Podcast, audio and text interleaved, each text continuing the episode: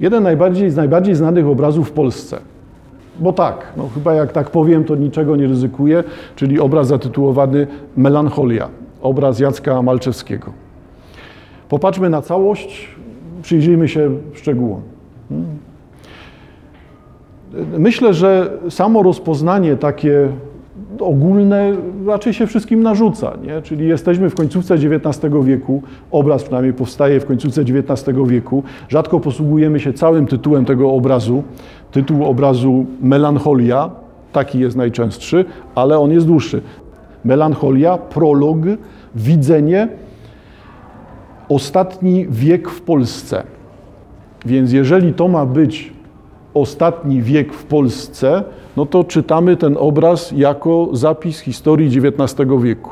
Powstał pod koniec XIX wieku. Malczewski rysuje, maluje, pokazuje, porządkuje, wszystko będzie nam pasowało, to co wydarzyło się w XIX wieku w Polsce. No troszkę będziemy mieli problem, wrócimy do tego zaraz, problem z ciągiem dalszym, bo dlaczego widzenie? No bo jakaś wizja, ale widzenie odnosi się nie do tego, co jest potwierdzoną, obiektywną historią, tylko widzenie odnosi się do tego, co jest zapowiedzią przyszłości, a nie relacją z historii. Czyli to widzenie jednak jest wskazaniem troszkę innym. Prolog jest czymś, co występuje na początku, a nie, że prolog podsumowuje historię XIX wieku. No więc zaczyna to się wyraźnie rozjeżdżać. Na takim rozjeżdżaniu się Malczewskiemu też zależy. To nie jest ktoś, kto maluje nam wszystko uporządkowany sposób i podpisuje swój obraz Mieszko I. Tak, tam wytykam trochę to, że Malczewski jest uczniem Matejki. Nie wiem, czy mu wytykać, czy nie, no ale ten poprzedza go warsztat matejkowski i tam ta drobiazgowość, szczegółowość, konkretność, no jak to u Matejki jest, jest ważna. Tutaj nie. Więc raczej nie szukajmy zgodności przedmiotów. Nie szukajmy tego, że a w XIX wieku mieczy nie było. No to w użyciu. No wobec tego to może być mylące. Większość odbiorców w pierwszym momencie no, widzi ten obraz w postaci liniowej. Czyli mamy z lewej strony melancholijnego artystę, który stoi, stoi, siedzi, zamarł, może tak miałem na myśli, przed czystym blejtramem i najwyraźniej mu nie idzie. Nie ma wyników. Wobec tego na blejtramie nie widzimy nic. Z blejtramu pustego, pustej karty białej wyłania się tłum, ale to nie jest zawartość tego obrazu. Pozycja artysty to zakłopotanie, zakładanie nóg, nogę na nogę, pochylenie, odchylenie sylwetki, e, opieranie się łokciem z tą e, paletą taką właśnie wysuniętą poza oparcie tego krzesła, no to wszystko pokazuje człowieka, który jest zablokowany, zamknięty, nie radzi sobie, jest bierny, pasywny. No to jest to, co jest językiem ciała tutaj. I z tego pustego miejsca wyłania się tłum postaci czytając ten tłum postaci w sposób prosty, możemy rzeczywiście przeczytać, to jest XIX, przeczytać, zrozumieć, zobaczyć, kolejność. To jest tłum, który nas, nam ilustruje etapy sztuki przetrwania w XIX wieku na ziemiach dawnej Polski, kraju nie ma, tak, są, wiadomo, jesteśmy pod zarządami państw sąsiednich, wobec tego mamy masę wydarzeń, kosy, które tu się pojawiają, to one są oczywiście wywiedzione z Kościuszkowskiego, no ale w XIX wieku dalej się będą w czasie powstań pojawiały. Wobec tego cały ten rynsztunek w postaci e, szabli, w postaci e, włóczni, kos w postaci karabinów z bagnetami, które tutaj widzimy, e, dynamizm tego obrazu, wszystko prowadzi nas w stronę myśli, trwa walka, jest jakieś powstanie, coś przeciwko czemuś. No więc skoro to jest w Polsce ostatni wiek, no to wiek powstań. I w tle mamy wszystkie wydarzenia, pewnie musielibyśmy jak zawsze listopadowe, styczniowe i tak dalej przejść przez wszystkie drobniejsze po drodze. Gdyby tak było, Czyli widzimy centralną grupę, ta centralna grupa powstańcza najwyraźniej, ten najbardziej malowniczy sposób, taki typowy dla polskiej historii, czyli grupa kosynierów, kosynierów ze sztandarami, kosynierów atakujących, kosynierów umierających, upadających w czasie tej walki, y, z tym gestem, który Malczewski najwyraźniej wyciąga i z historii Polski, jedna z postaci z tym gestem czytelnym z historii Polski, ale czytelnym też z Matejki, jak to Rejtan rozdarł koszulę na piersi i się w drzwiach położył i tak dalej. No więc czytamy to wszystko takim ciągiem, no tak, to się wydarza, tak jest.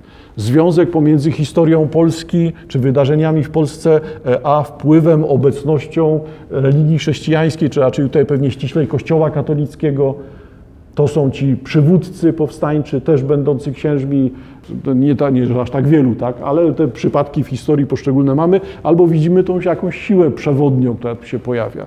No może tak być. Czyli czytamy to konsekwentnie, widząc, że mężczyźni z kosami upadną w walce, a kobiety w czerni będą opłakiwały swoich najbliższych członków rodzin, kochanych. I wreszcie mamy ten, y, tą część, czyli tą część już po prawej stronie. Widzimy starców, ale starców w strojach żebraków. No i znowu w historii Polski mielibyśmy ten model czytania, no co widać? No, no widać to, że Sybir zesłania, nędza zesłańców, albo śmierć, albo powrót wycieńczonych po to, żeby umierać tylko w domu. Czyli mamy taki ciąg historyczny na wskroś ci zesłańcy już umierający gdzieś właśnie na, na samym końcu. Co się zacznie dziać jednak, jak popatrzymy w troszkę inne miejsca? Okaże się, że trochę nam to przestaje wszystko pasować, bo z tym wiekiem to nie jest tak, że są młodzi i zmierzają w stronę starości. To są jednak różne postacie. Są postacie zwrócone w tą stronę prawą, tak jak patrzymy na obraz, ale są postacie odwrócone. Widzimy postacie posiadające instrumenty muzyczne w rękach, a nie broń. Wobec tego to nie jest taki prosty trop, że to są wszystko powstańcy. Postać tego dziecka, chłopca, młodzieńca, który odwrócony plecami czyta, to widać, że to nie, jest, nie są to realia powstańcze, że to nie jest obraz ruszamy na wroga i albo umrzemy w walce, albo umrzemy na Sybirze, ale oddamy życie za ojczyznę. Trochę za banalne. Banalne, proste i troszkę by było takie matejkowskie właśnie wtedy. E, są znaki, które są trudno czytelne na tym obrazie. Dlaczego postać tego umierającego, śpiącego człowieka trzyma w dłoni dziwny przedmiot będący stańczykiem. No może kolejna aluzja była do Rejtana Matejki, no to teraz aluzja do stańczyka Matejki. Może tak być, e, ale równocześnie ten przedmiot trzymany przez tego człowieka w ręce no jest zabawką, berłem, jakimś znakiem władzy dziwnej, błazeńskiej. Zaczynamy wyraźnie przekraczać historię Polski to jest zespół znaków, które nie pozwalają na to, żeby ten obraz sprowadzić do tego, że Polska walczy o niepodległość i nawet dzieci umierają w walce o niepodległość, a kobiety zawsze zostają płaczącymi, osamotnionymi czy wdowami. Część z tego nam pasuje, część wyraźnie nie. Czyli popatrzmy jeszcze raz na całość jako opowieść o śmierci za ojczyznę możemy uznać coś takiego. Zapomnijmy o tej ojczyźnie na razie. Popatrzmy jeszcze raz na ten obraz. To jest obraz, który przeczytajmy jako opowieść o rozczarowaniu życiem. Nie jako historię, tylko opowieść o tym, że nawet jeżeli bardzo chciałem i mocno walczyłem i poświęciłem się czemuś, to musi się skończyć klęską. Czyli mamy przeważające postacie dzieci wyłaniające się z tego obrazu, tego, tego pustego białego obrazu, dzieci coraz starsze, dzieci osiągające młodość, dojrzałość i ludzi, którzy zmierzają w stronę starości, śmierci. I widzimy taki ciąg egzystencjalny. Tu się coś takiego dzieje. Od narodzin do śmierci los wszystkich taki sam, nawet jeżeli zróżnicowany, dynamiczny, zmienny. Jeżeli niektórzy dożyją starości, jest ich mniej niż tych w środku, bo część ginie w połowie swojego życia. Czytam teraz ten obraz. Wobec tego mamy ten zapis samej egzystencji. Coś się dzieje z życiem.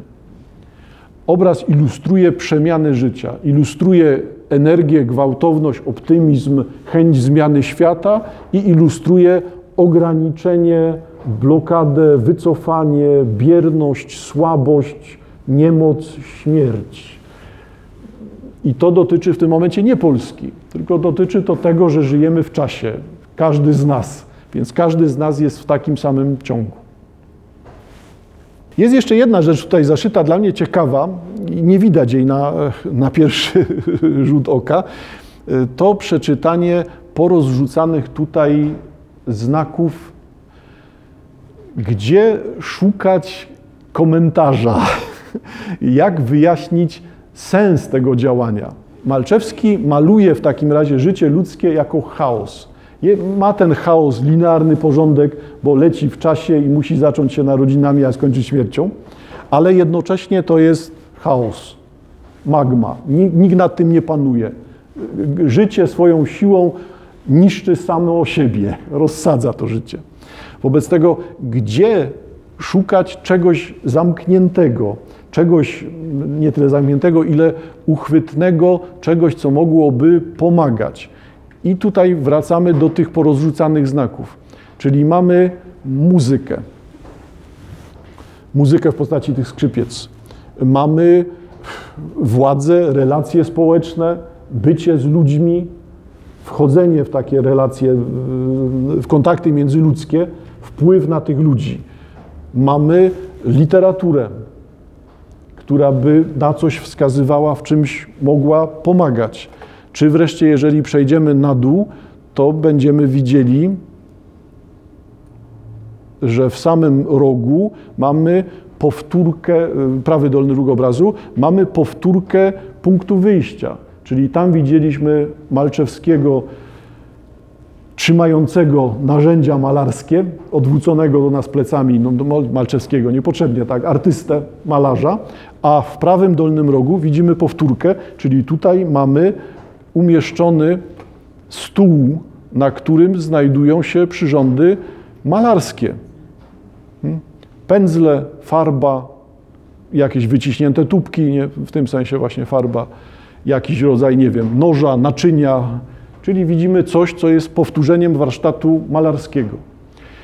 Czyli jeżeli szukamy sposobów wypowiedzi, sposobów znalezienia języka, sposobów nazwania czegoś, to musimy szukać tych sposobów w tym, co sami jesteśmy w stanie wytworzyć. I wskazanie tutaj jest no, typowe dla przełomu XIX-XX wieku i bardzo mocno obecne przez następne dziesięciolecia, czyli sposobem na zrozumienia człowieka jest sztuka. Obrazy mają nam pokazywać coś, co do tej pory było nieuchwytne. Literatura ma wskazywać na coś, czego się nie spodziewaliśmy. Muzyka ma pozwalać na to, żeby uchwycić coś, nie wiem co, sens, cel, powód, zyskać jakąś wartość, zyskać coś, dlaczego będziemy żyli. I propozycja jest tego typu. To, oczywiście możemy się od tego też dystansować, powiedzieć, sztuka umarła i nas to nie interesuje już. No możemy, z współczesnego punktu widzenia tak by było.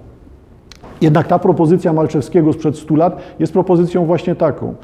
Jeżeli uczestniczysz w działalności w świecie wytworów artystycznych człowieka, to jesteś w stanie opanować chaos życia, opanować tą magmę, zapanować nad tą siłą, która cię niszczy, nad samym życiem. I dlatego to, co tutaj pojawia się po przekątnej w tym obrazie, czyli od malarza do warsztatu malarza, no to jest coś, co podkreśla rolę malarstwa. Rzeczywiście, no a czemu się mamy dziwić, tak? No to przecież malarz maluje, tak? Nie filozof, nie muzyk, tylko maluje to malarz. Wobec tego dla niego na pierwszym planie będzie podkreślenie tego, e, że ilustracja, obraz, malarstwo jest narzędziem do rozpoznania, poznania, wskazania, pomagania wpływania na świat, wpływania na ludzi, udzielania pomocy ludziom, cokolwiek tutaj chcemy pisać. Co jest natomiast Aha, to, tak, żeby mówić jednak takimi samymi ramkami, to wracam do tego, co powiedziałem. E, oczywiście, że wszystko to, co powiedziałem, nie jest ważne w tym obrazie. Odkładamy, zapominamy o tym, co do tej pory padło. Tutaj chodzi o coś innego. Zapominamy, tak? Do sięgnięcia tego obrazu sprowokowały mnie te dywagacje dwóch krytyków sztuki, którzy ujęli obraz Malczewskiego w sposób następujący. Miał pomysł i się starał. I pomalował, namalował, pomalował, dyskredytuje za bardzo, namalował ten obraz w taki sposób, że skupił się na sile, energii, dynamizmie postaci ilustrujących dzieje Polski i te wszystkie postacie, które tu są męskie, kobiece, dziecięce, młodzieńcze i te rozrzucone symbole. Tak, to wszystko jest u Malczewskiego dobre. No i jak to wypowiedź krytyków? Ale potem mu się już nie chciało i potem wychodzi coś takiego, ale co to za podłoga jest, czemu tu jest taka, a tu jest taka, a tu już w ogóle mu za to nie zapłacili i dlatego zostawił taką dziurę. No i jest to rzeczywiście uroczy sposób myślenia, że na środku mu się chciało, a z boku mu się nie chciało i dlatego zostawił taki pas, na którym nic nie namalował. I mamy pierwszy krok.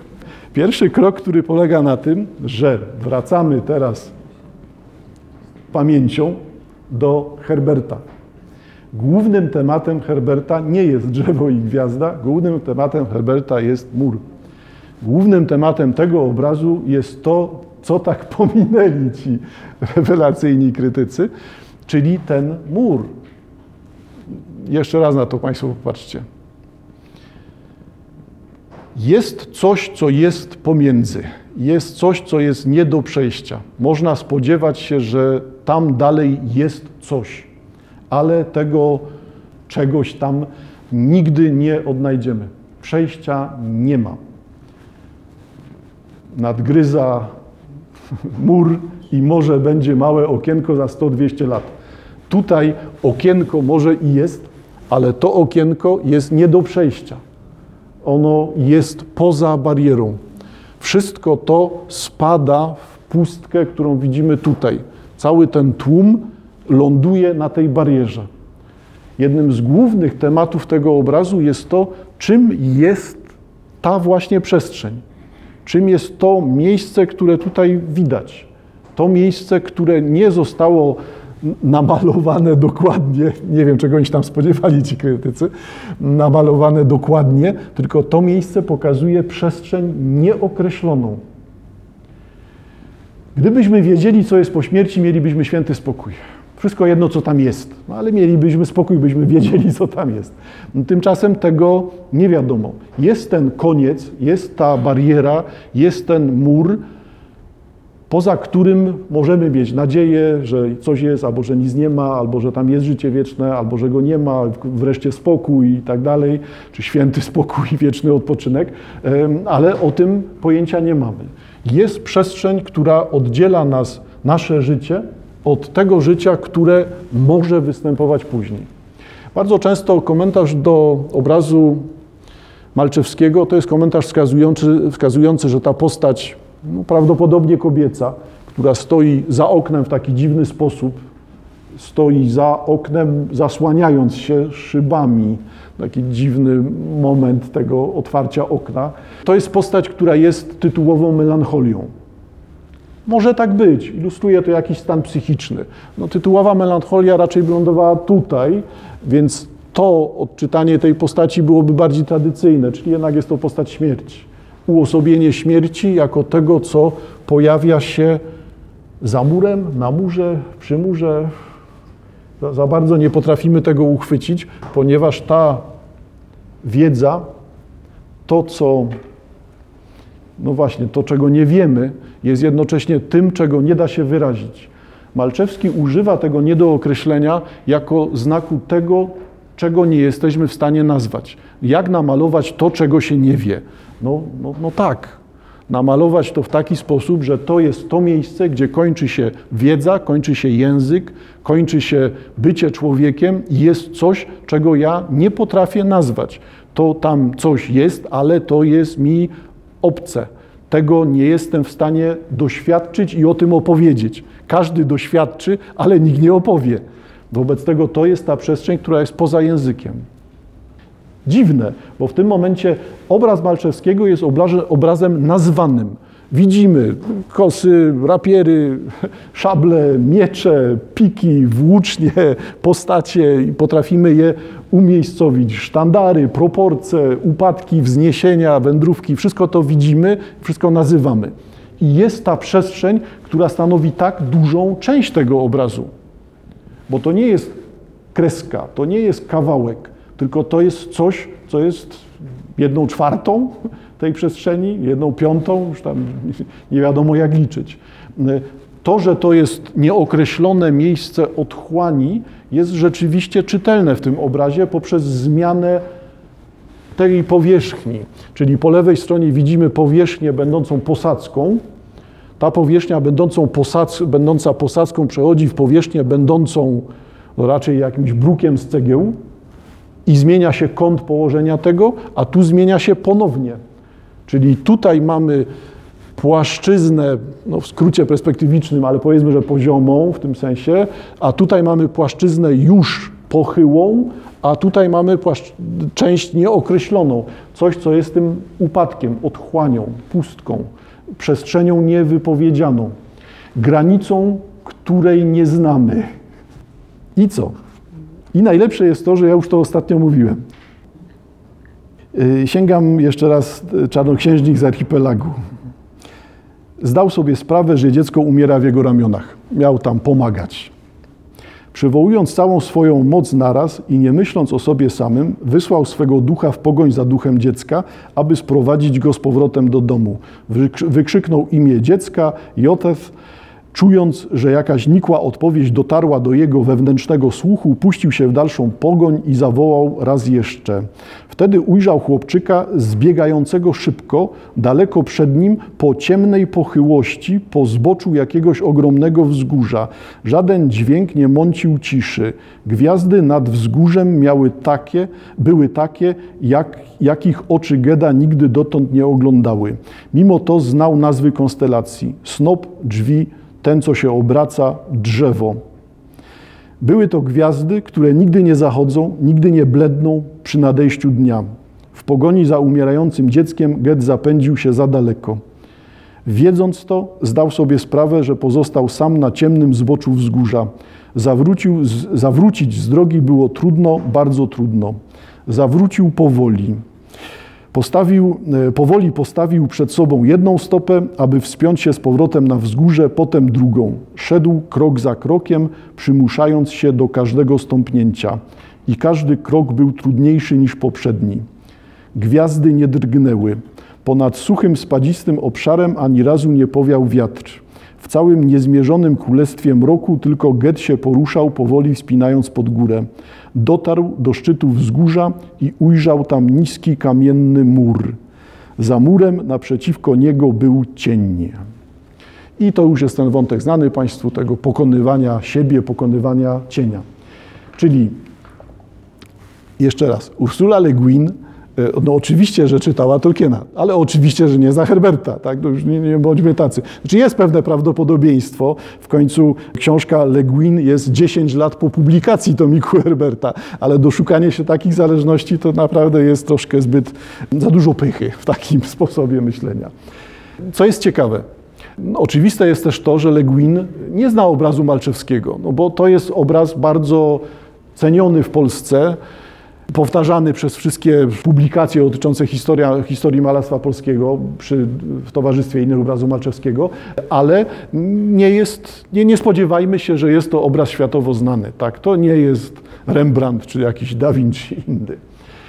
Czyli mamy ilustrację robioną przez Le Guin i ten komentarz Le Guin jest komentarzem, który tłumaczy o co chodzi z tym przejściem, tłumaczy barierę taką właśnie, jaką jest ten mur pomiędzy światami, mur zamykający, kończący, mur, który nie pozwala nam przejść żywymi, nie pozwala nam również powrócić z tamtego świata.